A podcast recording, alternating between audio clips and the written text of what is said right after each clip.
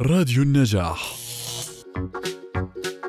هل فعليا المربي بحاجة أو محتاج لتربية؟ آه كلمنا أكثر. طبعا طبعا طبعا. نعم كيف ممكن يعني آه آه إزاي الأول يعني خلينا نشرحها الأول. نعم. الإنسان مننا من الممكن إن هو يحدث ابنه عن الأمانة والشرف والصدق والأخلاق الحميدة الطيبة ما شاء له أن يحدثه. نعم. لكن دعي الطفل يرى المربي ولو لمرة واحدة يسرق. دعيه يرى الأب ولو لمرة واحدة يخون. دعيه يرى الأب ولو لمرة واحدة يقول له فلان عمك اتصل آه أقول له مش موجود يكذب. أو دعيه يظهر بمظهر ال- الجبان مثلا أو إن هو بيتعامل مع مشاكل الحياة بعصبية وتوتر وبيواجه المشاكل بالقوة بدل ما يقابلها بالعقل. هذه بتغرس لدى الولد معتقد وقيمة لا يمكن ابدا محوها بالتعليم المرسلة أو بالأوامر المباشرة. الابن بيتعلم من خلال رؤية ابوه وهو يتعايش أو أمه يتعايشوا في الحياة. نعم. فبالتالي إحنا بنغلط كتير جدا أخطاء سلوكية. ومبنبقاش بنتحرك وإحنا رايحين في اتجاه التربية آه، بشكل منهجي كبير. يعني أنا أنا مش مستوعب إن أنا بربي. أنا مش واخد بالي إن أنا بربي. خليني أقول لحضرتك على حاجة. في يوم من الأيام ابني دخل عليا مهند وسألني سؤال يا أبي لماذا الأسد ملك الغابة؟ ليه الأسد ملك الغابة؟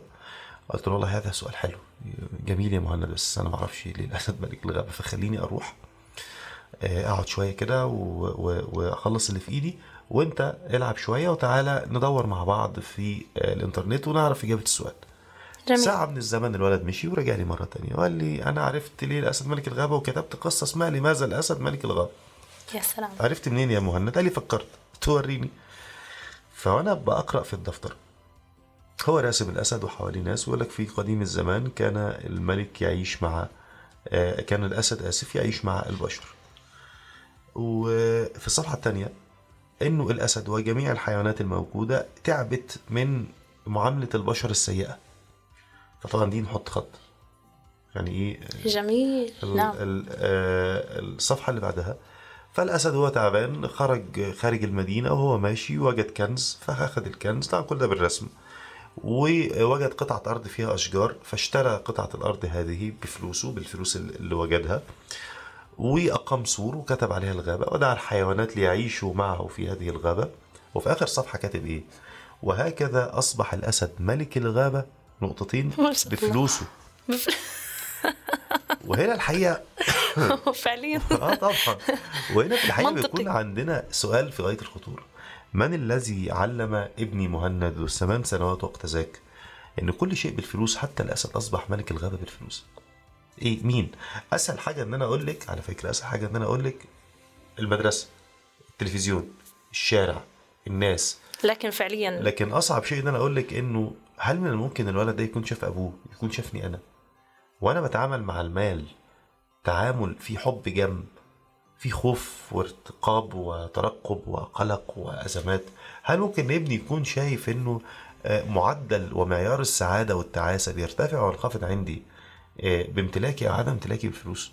أكيد الحقيقة آه طبعا نعم، أكيد نعم. شاف كده إما أنا أو أمه. وأكيد قيمة إن كل حاجة في الدنيا دي بالفلوس. جات له من المحيط القريب اللي وارد جدا أكون أنا أهم ضلع فيه.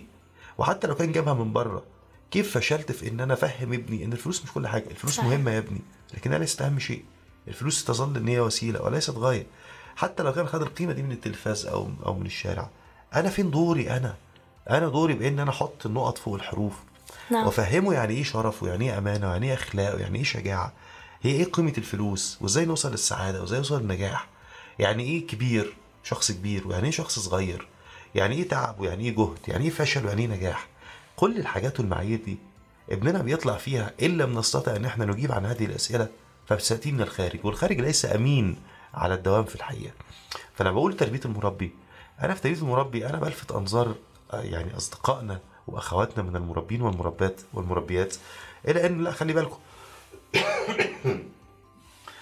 الحقيقة أنا بقول لإخواننا وأخواتنا من المربين والمربات لا انتبهوا خلي بالكم هنا في مشكلة ممكن أبنائنا يقعوا فيها في نعم. قابل الأيام سببها الأساسي والرئيسي هو إحنا هو هو إن إحنا إما نقلنا لهم مجموعة من القيم والمعتقدات الخاطئة أو إن إحنا ما اهتمناش إن إحنا نراقب القيم والمعتقدات اللي بياخدوها من الخارج